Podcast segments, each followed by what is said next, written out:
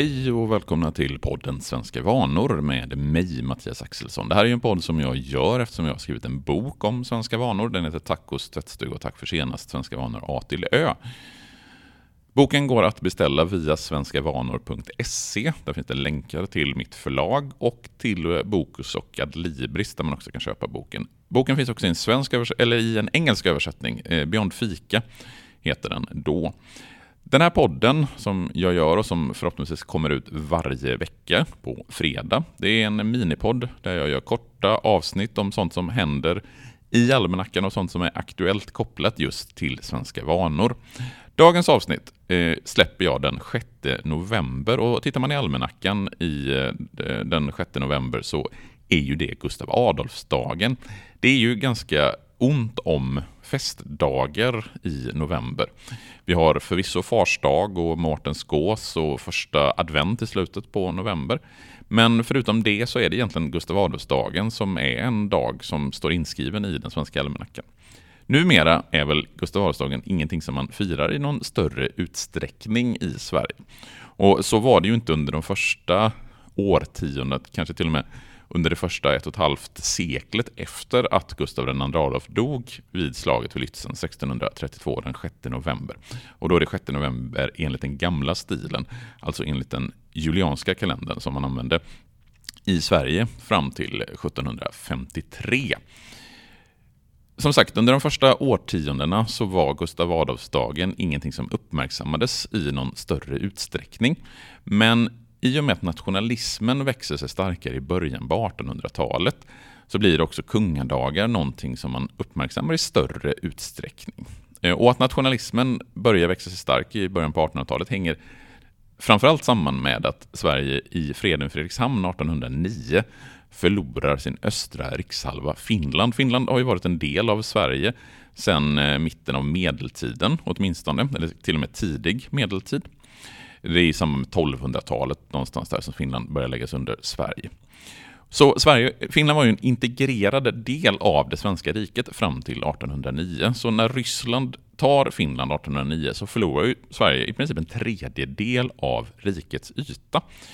Eh, en följd av det är ju dels att Gustav IV Adolf, som då är kung, avsätts och lägger grunden till den Bernadotteska ätten så småningom. Men också att nationalistiska känslor börjar växa sig starka i Sverige. Det Götiska förbundet bildas 1811 till exempel.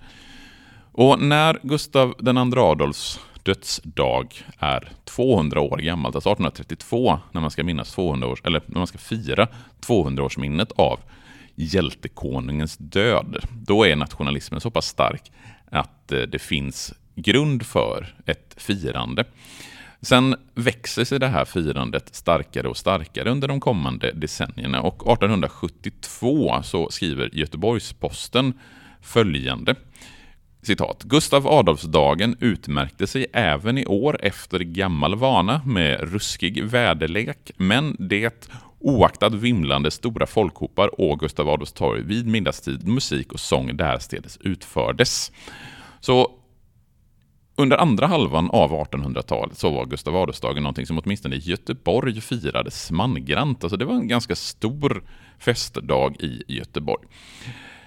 Sen under framförallt efterkrigstiden, alltså andra halvan av 1900-talet, så blir det ju mindre och mindre populärt att fira gamla svenska kungar och Gustav Adolfs-firandet försvinner ju lite ut i marginalen.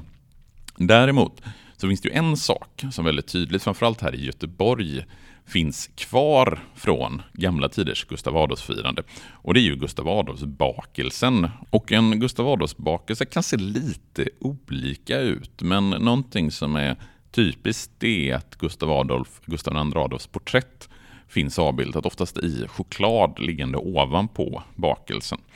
Exakt när och var den här Gustav Adolfsbakelsen ser dagens ljus, det vet man inte säkert. Flera konditorier eh, här i Göteborg bråkar om vem som har bakat den första Gustav Adolfsbakelsen. Till exempel Eggers och Breutigams har alla nämnts som skapare av bakelsen. Troligen började man tillverka bakelsen i samband med invigningen av statyn som står på Gustav Adolfs torg idag 1854 eller strax därefter. Och jag vill avsluta dagens lilla avsnitt om Gustav II Adolfsdagen och hans bakelse med ett citat från Göteborgs Handels och Sjöfartstidning. Eh, jag kommer inte exakt ihåg vilket år det här är skrivet, jag glömde notera det. Men där skriver man i alla fall citat. En bakelse med Gustav Adolfs på, du må idag högtidligen förtära. Den ska dig glädja i november grå och om din goda samhällsanda vittne bära. Eh, så ta dig en Gustav Adolfs-bakelse idag den 6 november. Det är också en flaggdag för övrigt, det kan jag ju kort nämna. För Gustav Adolfsdagen är ju en av många flaggdagar som vi har i Sverige. Och flaggdagarna bestämdes ju inte förrän 1982 vilka som skulle vara de allmänna flaggdagarna. Det var då regeringen bestämde det. Tidigare så hade det varit lite, hade det varit lite sådär vilda västern kring vilka dagar som man eh, skulle flagga på. Eh, Gustav Adolfsdagen var en sån dag som många flaggade på, men 1982 så blev det bestämt vilka, tror det 17 eller 18 dagar som är flaggdagar. Eh, och Gustav Adolfsdagen är då en av de flaggdagarna. Så Gustav Adolfsbakelse kan man äta, flaggan kan man hissa. Så får ni ha en fortsatt bra Gustav Adolfsdag. Och beställ gärna boken Tack hos tvättstuga och tack för senast Svenska vanor A till Ö på svenskavanor.se så hörs vi igen om en vecka. Ha det så fint tills dess. Hej!